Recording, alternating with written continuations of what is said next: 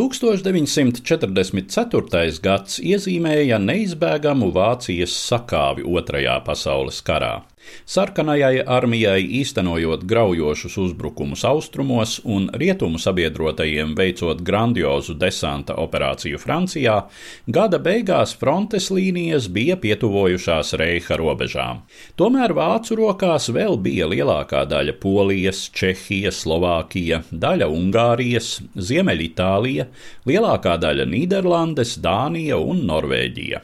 Arī kurzeme, kur bija ielēgta armiju grupa Ziemeļi, tobrīd jādomā kaujas spējīgākais vācu spēku grupējums. Ja nacistu vadības mērķis būtu atvairīt pretiniekus no ielaušanās Vācijā, novilcināt kara beigas un iespējams izkaulēt pieņemamākus kapitulācijas noteikumus, tas varētu izdoties, koncentrējot visus atlikušos spēkus Reiha pamatteritorijas aizsardzībai. Taču Hitlers joprojām sapņoja par uzvaru, ar izšķirošu triecienu sakaujot vienu no pretiniekiem un tad vēršoties pret otru.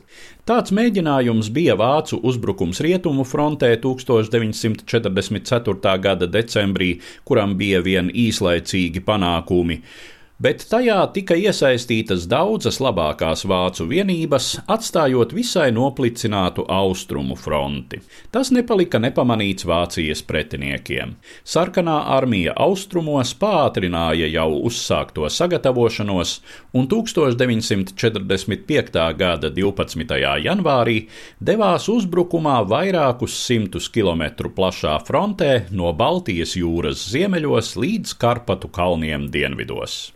Nozīmīgākā ofensīvas daļa bija tā sauktā Vislas Oderas uzbrukuma operācija, kuru īstenoja maršala Žukova komandētā Pirmā Baltkrievijas fronte Polijas centrālajā daļā un maršala Koņeva komandētā Pirmā Ukrainas fronte tālāk uz dienvidiem. Vienlaicīgi padomju spēki sāka arī mazāku uzbrukuma operāciju Slovākijā, bet dienu vēlāk uzbrukumu Austrumprūsijā. Sarkanarmijas dzīvā spēka un tehnikas pārsvars austrumu frontē tobrīd bija apmēram 1 pret 4, bet izšķirošajos punktos, placdarmos Vislas rietumkrastā, bija panākts pat desmitkārtīgs pārspēks. Daudzas vācu pirmās līnijas vienības daļēji iznīcināja jau uzbrukumu ievadošā artilērijas viesuļuguns, un sarkanarmijas kainieku triecieni ātri pārrāva vācu aizsardzības līnijas. Šais pārrāvumos tūdaļ devās tanku kolonnas, samaļot katru pretestību savā ceļā. Amerikāņu militārais vēsturnieks Erls Zīmke salīdzina sarkanarmijas virzību ar milzu sniega arklu, kura smaile triecās pāri Lielpolijas līdzenumam no Varšavas uz Poznaņu un tālāk uz Berlīni.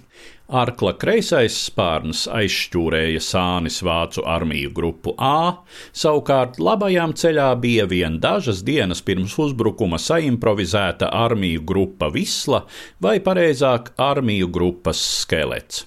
Jau 22. janvārī pirmās padomju daļas forsēja Oderas upi tagadējās Polijas dienvidrietumos, savukārt 25. janvārī sasniedza Oderu tās vidustecē apmēram 70 km uz austrumiem no Berlīnes. Nekādu nopietnu vācu spēku viņu ceļā tobrīd nebija, taču uzbrukums Austrumprūsijā virzījās daudz gausāk, un vācu rokās vēl atradās tagadējās Polijas ziemeļdaļa, no kurienes viņiem izdevās organizēt nelielu pretuzbrukumu. Tas lika padomju virspavēlniecībai 3. februārī noslēgt Vislas Oderas operāciju un pievērsties Polijas ziemeļdaļas ieņemšanai. Līdz ar to izšķirošais trieciens Berlīnei tika atlikts uz diviem ar pusi mēnešiem. Stāstīja Eduards Liniņš.